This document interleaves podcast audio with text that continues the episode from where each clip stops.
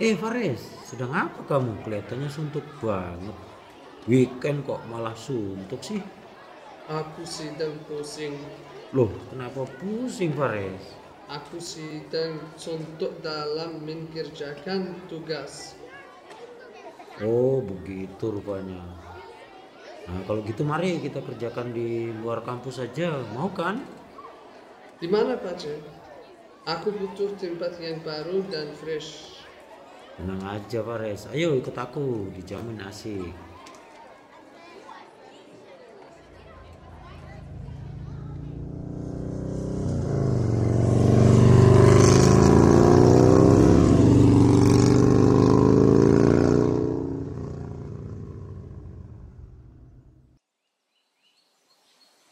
Nah, Fares, kita udah sampai. Tempat apa ini, Pace? Kok kelihatan natural sekali? Ini PSL Tea Fares. Di sini Fares bisa merasakan langsung suasana alamiah yang natural dan asri. Jadi lebih kondusif untuk berpikir. Jadi apa itu BSL? PSL sendiri adalah singkatan dari Pusat Studi Lingkungan Hidup. Kawasan ini berada di bawah tanggung jawab Universitas Sanata Dharma Fares. Nah, di tempat ini kita bisa belajar berinteraksi dengan lingkungan. Oh, begitu ternyata. Nah, Fares, di sana ada Mas Kris tuh. Salah satu relawan di sini. Mari kita bertanya kepada Mas Kris. Oh, baik, Pace. Ayo. Eh, halo, Halo. Mas Chris. Halo, Mas Faris. Faris. ya. Eh, mungkin eh, apa itu BSL? Bi- Bisakah eh, ceritakan tentang tempat ini? Oke, PSL is singkatan ya. Pusat Studi Lingkungan.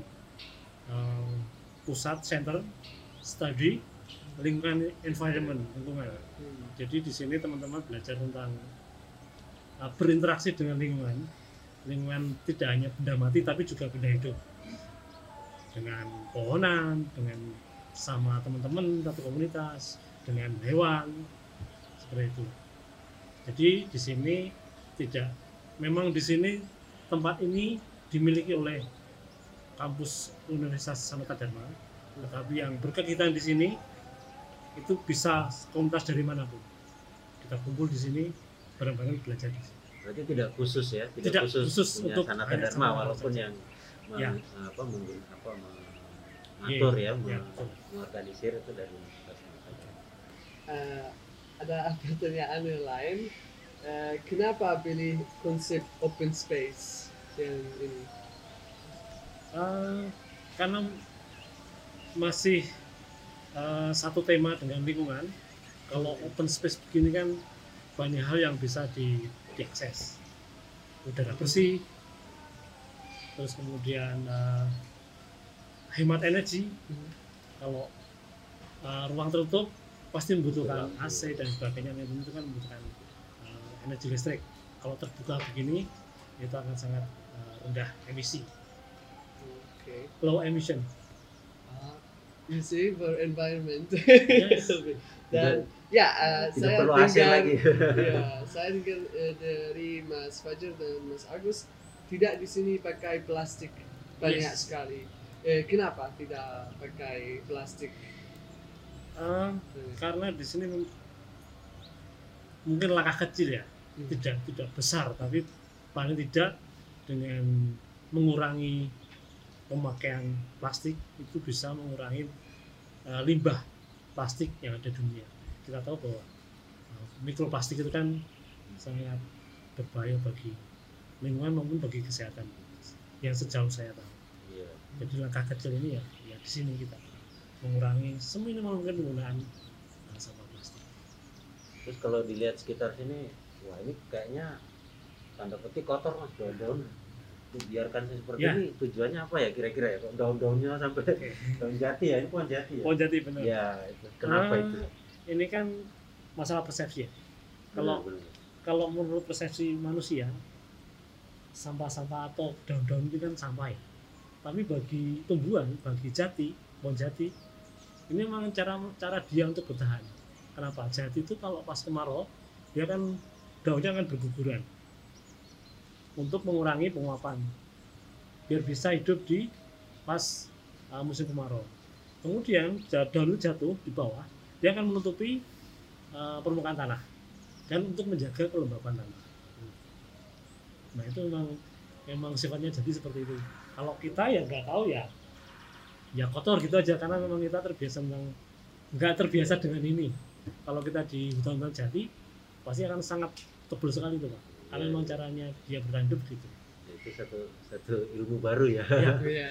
Saya tadi datang, "Wih, yang itu oh ternyata ada memang alamiahnya ya pohon jati. memang alamiahnya seperti itu Mungkin ada Faris ada pertanyaan lain ini terkait Well, uh, kita ini. apa saya lihat ada banyak di sini kopi. Ya. Eh, dari mana kopi yang ini? Ah, ini kopi dari langsung dari petani. Jadi kami di sini punya komunitas kopi. Itu dari berbagai macam teman-teman penggiat kopi di Jogja. Itu eh, tidak semuanya sih, tapi ada sebagian kumpul di sini. Kemudian kami itu sering kegiatan di Merapi. Karena ikonnya ini Merapi. Jadi kami mengangkat kopi lokal di sini. Kebetulan kopi itu kan eh, tumbuhan yang bisa hidup atau optimalnya di pegunungan yang tanah yang agak tinggi paling dekat di Jogja ya Merapi kemudian kami riset ternyata di Merapi ada beberapa petani yang punya pohon kopi yang memang kopi itu sejarahnya panjang ya ternyata di sini masih ada dan kami berusaha untuk mengembangkan itu. Setiap tahun kami menambah bibit untuk ditanam di Merapi. Dari berbagai lereng Pak. ada di barat itu Magelang kalau di lereng selatan itu Sleman di lereng timur itu Klaten lereng utara itu Boyolali. Jadi keempat tempat ini yang yang kami sasar. Itu salah satunya di depan ada bibit yang besok mau ditanam di eh, lereng barat di Merapi So semua kopi di sini dari Indonesia, tidak Dari Indonesia, Ah, yes.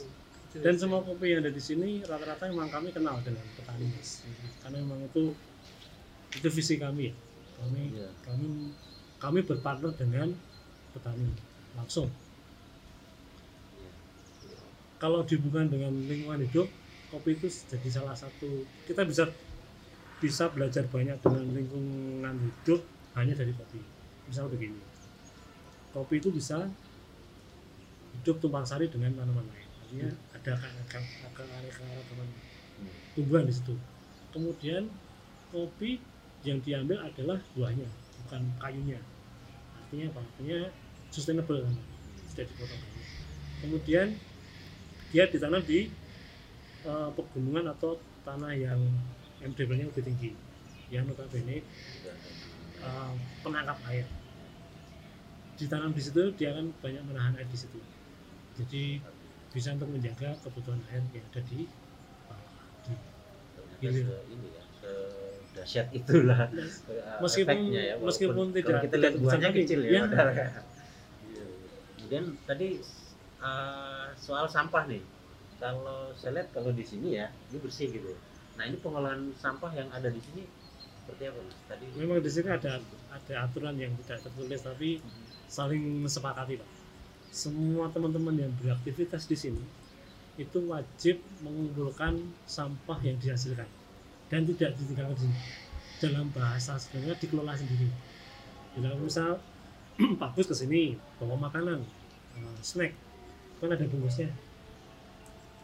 Ngambil dari luar kan ke sini makan itu dibawa lagi di dikelola sendiri pak ya bagus juga ya artinya juga menimbulkan kesadaran Betul. kita ya bahwa, Itu- oh ya ini ya. sampah yang saya bawa ya Iya. ini.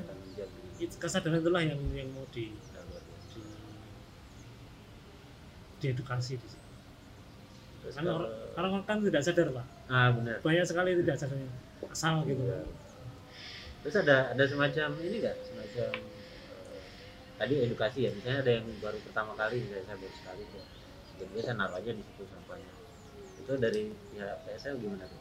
Ah, kalau orang awal-awal di sini biasanya kita tegur, kita kasih tahu bahwa di sini memang, ya. memang tidak tidak diizinkan untuk meninggalkan sampah. di sini. Silakan dikelola sendiri untuk dibawa. Ya terus menerus pak, jadi tidak memang harus tidak bosan-bosannya Ya, kita mengingatkan. ini ya harus tahap terus ya terus berkelanjutan ya lalu ada adakah misalnya eh, sampai ke pendidikan ke anak-anak SD atau lain tentang edukasi mandiri ada. PSL gitu. mungkin setara dengan SD di situ ada papan ini bisa dilihat. Itu ada Oh, iya. jadwal. Oh iya. Itu komunitas-komunitas yang uh, memakai tempat di atas.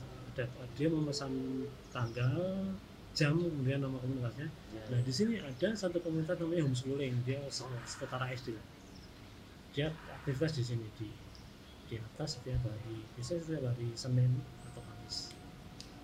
Nah, di atas juga sama. Cara kami kalau kami ya ya kami itu mengedukasinya itu semua sampah dikelola sendiri. Hmm. kalau sudah kecil itu di ditanamkan kesadaran itu dia akan uh, dikelola sampai dewasa. Iya, iya, iya, luar biasa. Ternyata eh, penting bahwa dari dari dini ya usia dini harus sudah mulai disadarkan tentang bagaimana sampah itu ya. Kalau misalnya kemarin eh, ada nggak pengolahan saya jadikan sampah eh, ah, sorry pupuk cair atau pupuk organik Uh, ada pak di sini ada beberapa kali kali kami bikin semacam workshop untuk em, belajar bagaimana cara membuat pupuk organik dari bahan-bahan em, sampah rumah tangga. Misal dari daun pisang atau apa pun lah sayur-sayuran yang pakai itu bisa dimanfaatkan untuk jadikan bahan pupuk. Pernah beberapa kali bikin workshop di sini dan kita mengundang eh, lingkungan yang di sini. Ibu-ibu kakak bapak-bapak sama pemuda yang di sini. Ya tidak disangka hanya sekedar tempat nongkrong ternyata ada nilai lebih yang sangat besar di sini yang bisa digali ya. Uh, Pars ada pertanyaan lain? Um, yeah, we have a long uh, podcast. yeah. yeah. Uh, terima kasih, uh, Mas Chris. It was a valuable information, ya, untuk kita. Wah, tempat ini sangat menarik ya, Mas Agus. Iya betul Fares, saya juga setuju. Banyak pohon, kita bisa lihat di sana juga ada penangkaran burung.